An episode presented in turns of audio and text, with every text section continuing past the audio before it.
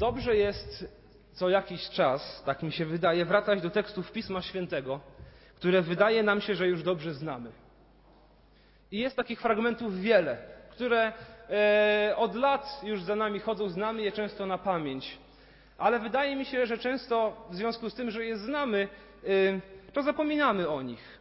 Czasami trafiamy na te fragmenty i jakoś łatwo nad nimi przechodzimy. Na przykład takie jak Jana 3,16, albowiem tak Bóg umiłował świat, że Syna swego jednorodzonego dał, aby każdy, kto w Niego wierzy, nie zginął, ale miał żywot wieczny. Znamy te fragmenty. Rzymian 1,16 nie wstydzę się Ewangelii Chrystusowej, jest w niej moc Boża do zbawienia każdego, kto wierzy, najpierw Żyda, potem Greka. Albo Efezjan 2,8,9, albowiem tak Bóg umiłował, albowiem yy, łaską zbawieni jesteście przez wiarę i to nie z was Boży dar, nie z uczynków, aby się kto nie chlubił. Są takie fragmenty, które nam towarzyszą e, od wielu lat i tak jak mówię, często wydaje mi się, ja mam taką pokusę, aby kiedy natrafią na przykład na list do Efezjan, to powiedzieć, a, już to znam, znam to na pamięć, pójdę dalej, zobaczyć co tam jest. Wydaje mi się, że wiele możemy stracić, e, jeśli pojawia się takie podejście. Jednym z takich fragmentów, bardzo znanych, jest, e, są trzy wersety z pierwszego listu Jana, drugiego rozdziału. Wersety 15 do 17, gdzie apostoł Jan pisze o porządliwości ciała, porządliwości oczu i pysze życia. To bardzo znany tekst. E, w ostatnim czasie jakoś bardzo on do mnie przemawia zastanawiam się nad tym, e, gdzie w moim życiu mogę mieć problemy z którąś z tych sfer. Zachęcam, otwórzmy pierwszy list Jana, drugi rozdział.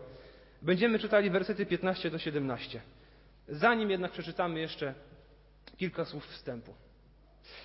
E, natrafiłem ostatnio e, na stronę internetową dotyczącą zdrowia. I tam jakoś skierowałem się na temat zawału serca.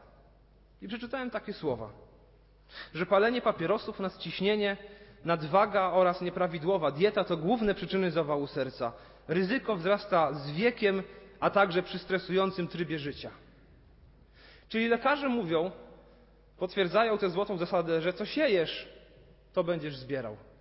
I w tym przypadku tej strony internetowej mówią, że jeśli człowiek będzie miał problemy e, nałogowe z paleniem papierosów, nie będzie dbał o swoją dietę, e, e, nie będzie uważał na to, co je, nie będzie odpowiednio odpoczywał, będzie miał stresujący tryb życia, no to może spodziewać się tego, że spotka go zawał.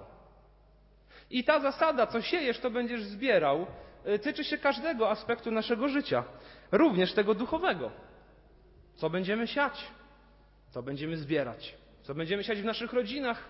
To będziemy zbierać za kilka lat. Co będziemy siać w, w naszym zborze, to będziemy zbierać za jakiś czas. Co będziemy siać w naszym życiu duchowym, to również będziemy zbierać. A Pan Bóg nas rozliczy na sądzie ostatecznym z naszego życia. Jeśli siejemy dobre wartości, będziemy zbierać dobre owoce. Jeśli siejemy złe wartości, będziemy zbierać złe owoce. I Biblia to nie jest tylko jakaś księga historyczna, z ciekawymi historiami i z ciekawymi myślami, do zastanowienia się nad nimi i pójścia sobie dalej. Kiedy idziemy do lekarza i pytamy go o stan naszego zdrowia, to staramy się jednak to, co ten lekarz nam mówi, zastosować w naszym życiu. Wierzę, że tak samo, a nawet jeszcze bardziej powinno być z Pismem Świętym. To nie jest tylko jakiś tam poradnik. To jeśli chcemy wiedzieć, jak żyć, aby podobać się Bogu, to tu Bóg nam wszystko już powiedział. Jeśli chcemy wiedzieć, co zrobić, aby być zdrowymi, idziemy do lekarza. Jeśli chcemy wiedzieć, co zrobić, aby być zdrowymi duchowo, idziemy do Pisma Świętego. I ten fragment, który chciałbym, abyśmy dzisiaj bliżej zbadali, jest właśnie takim fragmentem. Je pokazuje zagrożenia dla naszego życia duchowego.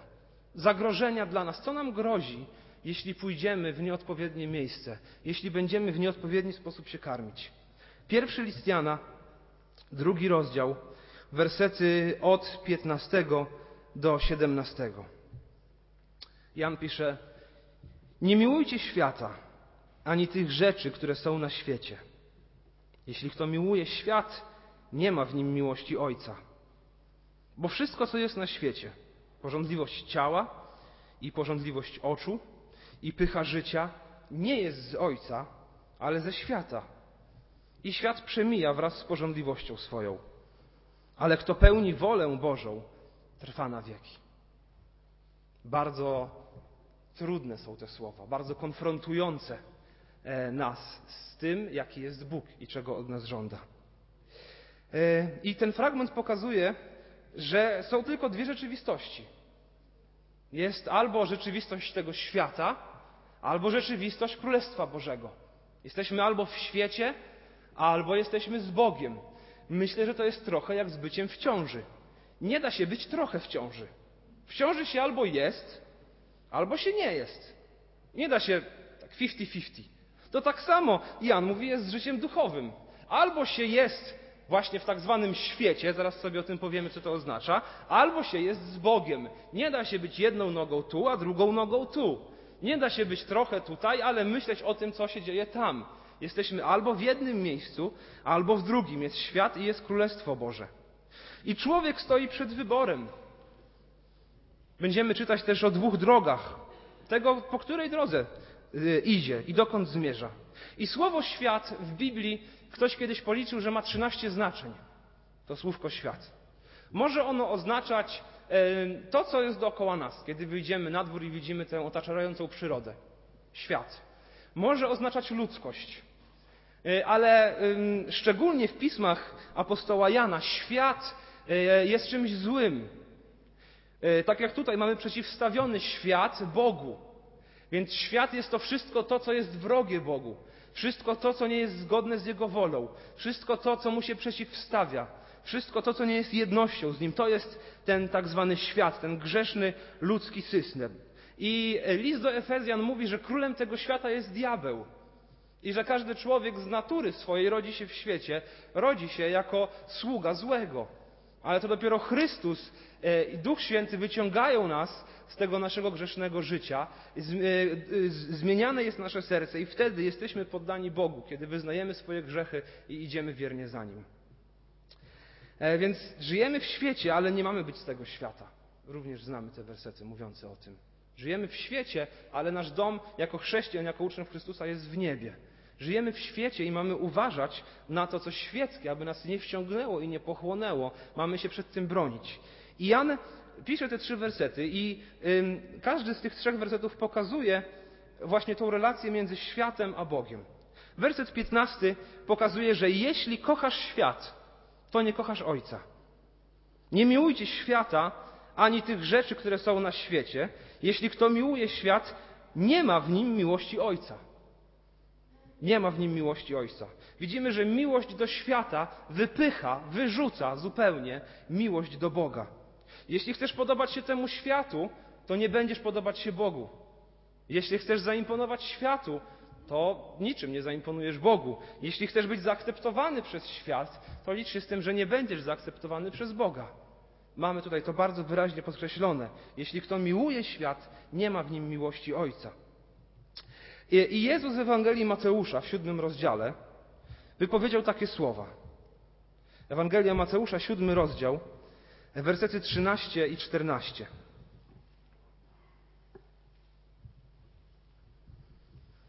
To jest fragment kazania na górze.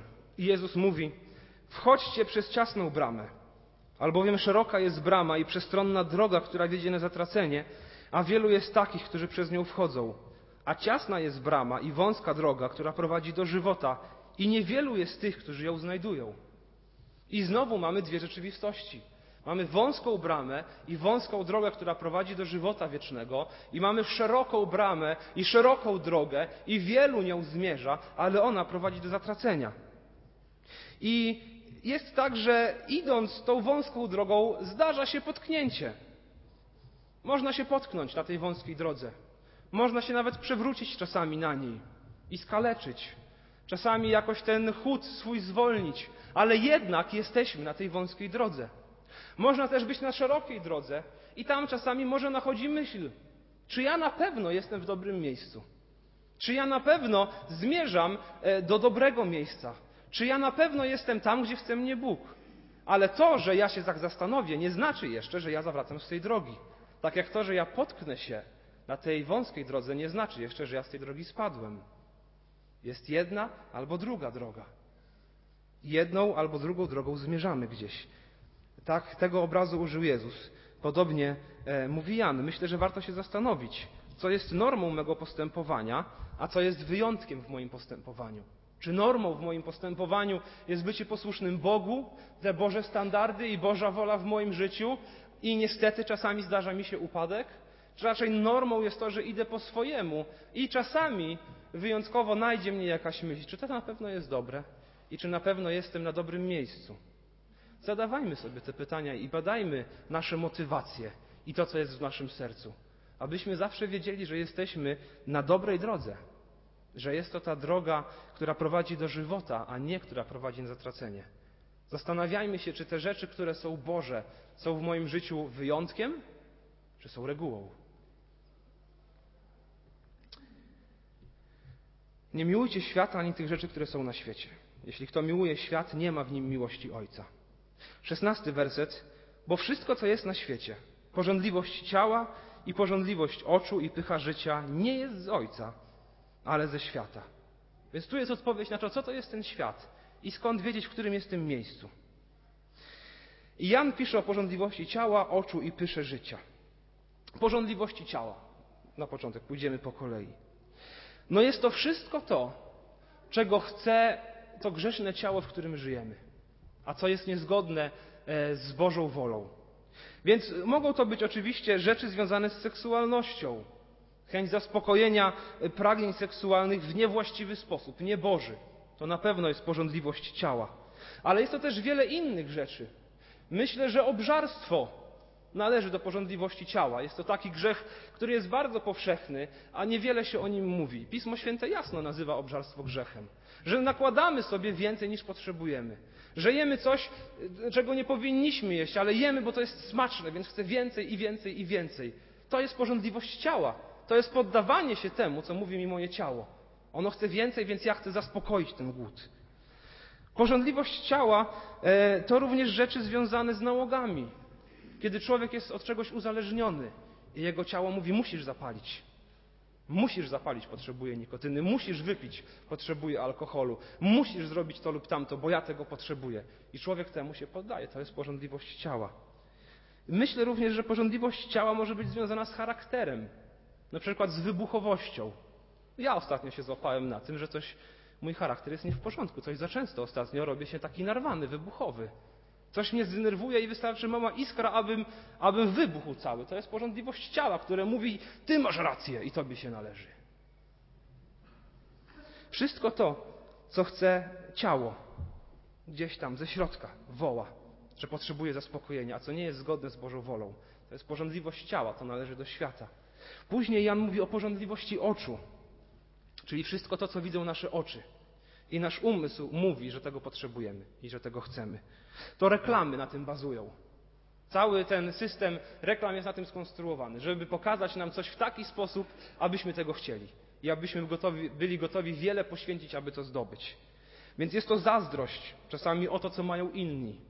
Że ten mój sąsiad to ma i mi, ja bym też to bardzo chciał mieć, bo mi się należy. Jak on ma, to ja też muszę mieć. Yy, to pragnienie tego, by mieć coraz to nowsze rzeczy.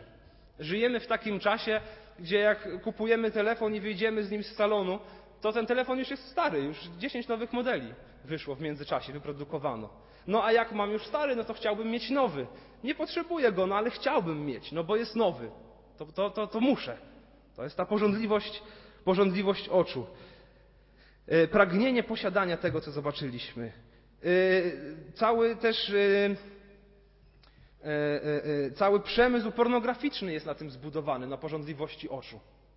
Mówi, zobacz więcej, kliknij tu, kup to, zajrzyj tam. Chcesz zobaczyć więcej, to zobacz. Porządliwość oczu. Zobacz, jaki, jaka ona jest piękna, zobacz, jaki on jest przystojny. Zobacz, potrzebujesz tego nowego samochodu, tego nowego telefonu, tych nowych ubrań. Potrzebujesz, potrzebujesz, potrzebujesz. A ciało wtedy też się cieszy i mówi, no właśnie, Więcej, więcej, więcej.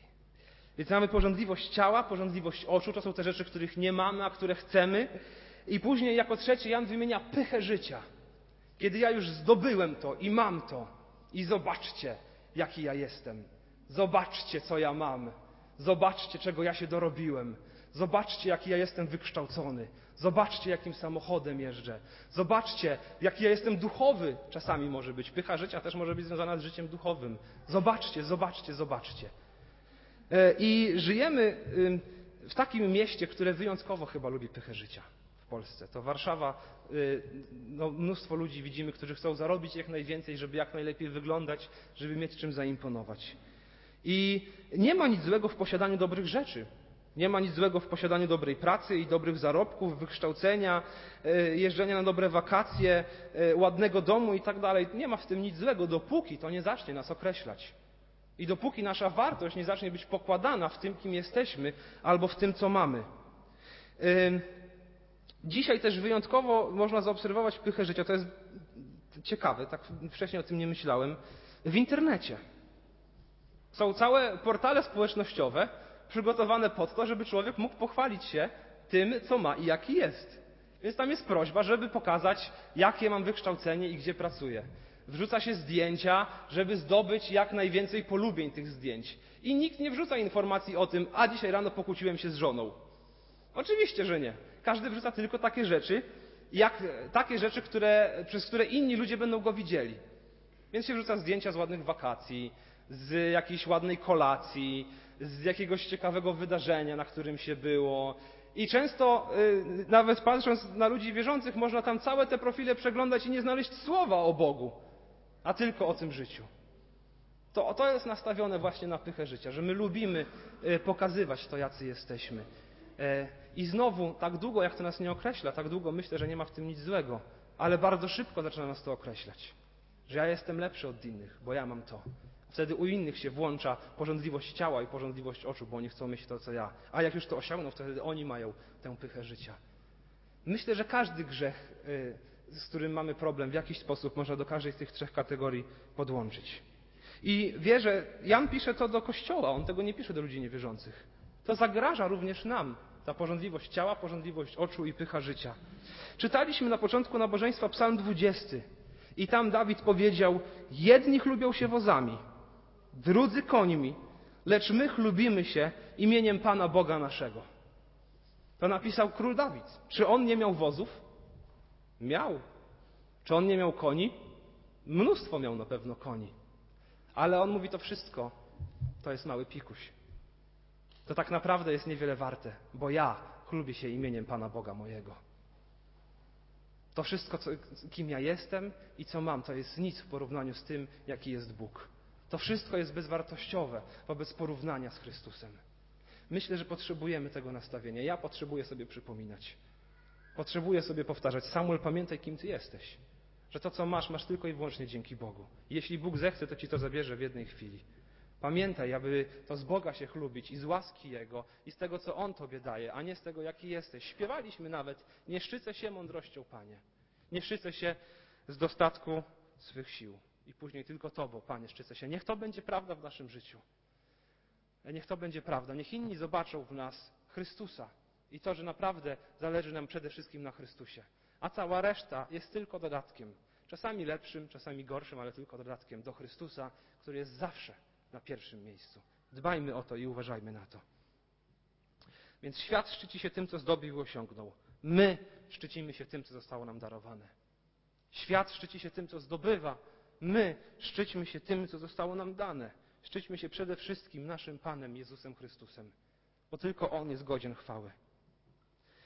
Wszystko, co jest na świecie, porządliwość ciała, porządliwość oczu i pycha życia, nie jest z Ojca, ale ze świata. I siedemnasty werset. Dlaczego nie warto iść za światem? No Jan mówi, świat przemija wraz z porządliwością swoją, ale kto pełni wolę Bożą, trwa na wieki. Świat, te jego porządliwości, wszystko to, co go napędza, wszystko to, co jest takie przyjemne i ładne i fajne, to przemija. Ale kto pełni wolę Bożą, trwa na wieki. Ach, jaki piękny jest to werset. Jaki piękny jest to werset, kiedy pełnimy wolę Bożą. I mamy świadomość tego, że wszystko to, co jest dookoła nas, jest nietrwałe. Pismo Święte mówi, że ziemia zostanie zniszczona i tu będzie nowe niebo i nowa ziemia. Tutaj jest napisane, że świat przemija, ginie, ucieka wraz ze swoimi porządliwościami. Ale kto pełni wolę Bożą, ten trwa na wieki. Jeśli będziemy y, inwestować w świat, to znaczy jeśli będziemy się karmić tymi świeckimi rzeczami, to to wszystko przemija, to jest bezwartościowe. To karmimy się złymi rzeczami, czeka nas duchowy zawał, a nie duchowe życie. Karmy się dobrymi rzeczami, wypełniajmy wolę Ojca, bo kto pełni wolę Ojca, ten trwa na wieki i trwa w Jego obecności. Ciekawe jest również to, że w 15 wersecie, który już czytaliśmy, Jan pisze o miłości Ojca, a w 17 mówi o tym, jak ta miłość się objawia. Tak? W 15 mówi, że kto, kto miłuje świat, ten nie ma w nim miłości Ojca. Więc ten, kto y, miłuje Ojca, co robi? 17 werset. No ten, kto miłuje Ojca, ten pełni wolę Bożą i trwa na wieki. Gdybyśmy przerzucili jedną kartkę do rozdziału 5, wersetu 3, jest tam napisane, że na tym bowiem polega miłość ku Bogu, że się przestrzega przykazań Jego. A przykazania Jego nie są uciążliwe. Co to znaczy kochać Boga? Co to znaczy kochać Ojca? To znaczy być Mu posłusznym. To znaczy żyć i postępować, tak jak On mówi, aby żyć i postępować. To jest to sianie, które później będziemy zbierali. Kto pełni wolę Bożą, trwa na wieki. Miłość chrześcijańska, e, miłość do Boga nie wyraża się w słowach. Czy nie wyraża się tylko w słowach. Nie wyraża się tylko w tym, że my przyjdziemy w niedzielę o dziesiątej, usiądziemy, pośpiewamy, pokiwamy głowami przy kazaniu, no że tak, tak, to prawda, ja się z tym zgadzam, pomodlimy się jeszcze, jak tak wyjątkowo będziemy pobudzeni tym kazaniem i pójdziemy do domu. To jak pójdziemy do domu, to dopiero się okazuje ta miłość do Boga. Kto pełni wolę Bożą, trwa na wieki. Skąd wiedzieć, że kocham Boga? Ano z tego, że przestrzegam Jego przykazań. Ano z tego, że jestem Mu posłuszny. Ano z tego, że zawsze chcę iść tylko za Nim. I y, zmierzając do końca, chciałbym nas jeszcze zaprosić na chwilę do Ewangelii Mateusza, w której już byliśmy. Tym razem do 11 rozdziału, wersety 29-30. Bo można sobie zadać pytanie, czy gra jest warta świeczki? Dlaczego? Dlaczego mam wystrzegać się tej porządliwości ciała, porządliwości oczu i pychy życia? Dlaczego powinienem badać swoje serce? Dlaczego powinienem badać to, co jest dla mnie, sprawdzać, co jest dla mnie regułą, a co jest dla mnie wyjątkiem? Dlaczego powinienem to wszystko robić? Oprócz tego, że świat przemija. No ale to, no to przemija, no. A co dalej? Jeszcze są jakieś argumenty? I w rozdziale 11 Ewangelii Mateusza, wersety 29 do 30, to są tak piękne wersety, przeczytajmy. 28 do 30 może. Jezus mówi: Pójdźcie do mnie wszyscy, którzy jesteście spracowani i obciążeni, a ja wam dam ukojenie. Weźcie na siebie moje jarzmo i uczcie się ode mnie, że jestem cichy i pokornego serca, a znajdziecie ukojenie dla dusz waszych. Albowiem jarzmo moje jest miłe, a brzemię moje jest lekkie. To są słowa naszego Pana Jezusa Chrystusa. Jezus Chrystus umarł za nasze grzechy. Jezus Chrystus umarł za wszystko złe, co myśmy zrobili w swoim życiu. Jezus Chrystus, Syn Boży, zszedł z nieba na ziemię, żył bezgrzesznym życiem, dał się zabić, był umęczony na krzyżu po to, abyśmy my mogli mieć życie wieczne. Nie z powodu tego, kim jesteśmy, nie z powodu tego, co osiągnęliśmy, nie z powodu tego, e, gdzie byliśmy i, i, czym się zajmowaliśmy, ale zrobił to z miłości do nas i my nie możemy zrobić nic, aby na to zapracować. I ten Jezus jest świętym Bogiem. On jest e, pierworodnym wszelkiego stworzenia, mówi list do Kolosan. Jest wielkim Bogiem. On był w momencie, kiedy myśmy e, zostali stworzeni, e, wie, jak wygląda nasze życie, wie o nim wszystko. I ten święty Bóg zdecydował się umrzeć za moje życie. I ten święty Bóg mówi o sobie: Przyjdźcie do mnie wszyscy, którzy jesteście spracowani i obciążeni, a ja wam dam ukojenie. I mówi: Uczcie się ode mnie, bo jestem cichy i pokornego serca. Jaki to jest niesamowity Bóg. Jakiego niesamowitego mamy Pana. Świat przemija i będzie przemijał, ale zobaczcie na Jezusa. Czy potrzeba jeszcze jakichś argumentów, aby pełnić wolę Ojca na wieki? Czy potrzeba jakichś innych argumentów, aby być Mu posłusznym? Świat przemija, co mi po świecie? Co mi po tych wszystkich pustych radościach i przyjemnościach? To jest tylko na chwilę. Ale kto pełni wolę Bożą, trwa na wieki. I Jezus mówi, że jarzmo moje jest miłe, a brzemię moje jest lekkie. Tak jak w Jana pierwszym liście czytaliśmy, że przykazania Jego nie są uciążliwe. Naprawdę nie jest uciążliwe. Dla kogoś, kto może usłyszałby to po raz pierwszy, to co napisał Jan, powiedziałby, ale chrześcijaństwo to tylko zakazy i zakazy, nic tam nie można robić. A co to jest do robienia w tym świecie? Zobacz, jaki jest nasz Pan. Jarzmo Jego jest miłe, a brzemię Jego jest lekkie. I te przykazania nie są żadną uciążliwością, ale z radością mogę zawołać, że idę za moim Panem. Bo to On jest moim lekarzem i On wie, co jest dla mnie najlepsze. Więc to żaden ból stracić to wszystko, za czym biegnie ten świat. Ale jaka radość zyskać to wszystko, co daje Bóg. Jezus wymaga posłuszeństwa. Miłość do Chrystusa, miłość do Boga wyraża się w posłuszeństwie. To może brzmieć trudno, ale takie nie jest. Jeśli w pełni Mu zaufamy i wyznamy swoje grzechy, naprawdę Jego jarzmo jest lekkie. A Jego brzemię jest lekkie, a jarzmo wygodne. To jest wielka radość żyć tak, jak On tego chce. Życie z Jezusem to jest życie pełnowartościowe. To jest życie pełnowartościowe. Nie ma nic w tym świecie, co on, co ten świat mógłby nam dać, co mogłoby się chociaż trochę równać z Jezusem. Nic. Wystrzegajmy się porządliwości ciała, porządliwości oczu i pychy życia. Uważajmy na to, z czego jesteśmy dumni i czym się chlubimy. Uważajmy na to, jaki obraz siebie kreujemy. Czy moi sąsiedzi wiedzą o mnie tylko to, jaki ja mam dom i jakim samochodem jeżdżę, czy, wierzą, czy wiedzą przede wszystkim o tym, że ja jestem chrześcijaninem, sługą Boga żywego? Czy ludzie w mojej pracy wiedzą tylko o moim wykształceniu i tym, czym się zajmuję, czy wiedzą o tym przede wszystkim, że ja jestem dzieckiem Bożym? Czy moi znajomi w szkole wiedzą tylko o tym, jakie zdobywam oceny i jaki jestem pośród nich, czy, wierzą o tym, czy wiedzą o tym, że ja przede wszystkim chcę iść za Bogiem? Jarzmo mojego jest lekkie, a brzemię Jego jest miłe. Co siejesz, to będziesz zbierał. Zawsze jesteśmy albo z Bogiem, albo w świecie. Nie da się być gdzieś pośrodku. Jedni chlubią się wozami, drudzy końmi, lecz my chlubimy się imieniem Pana Boga naszego. Amen.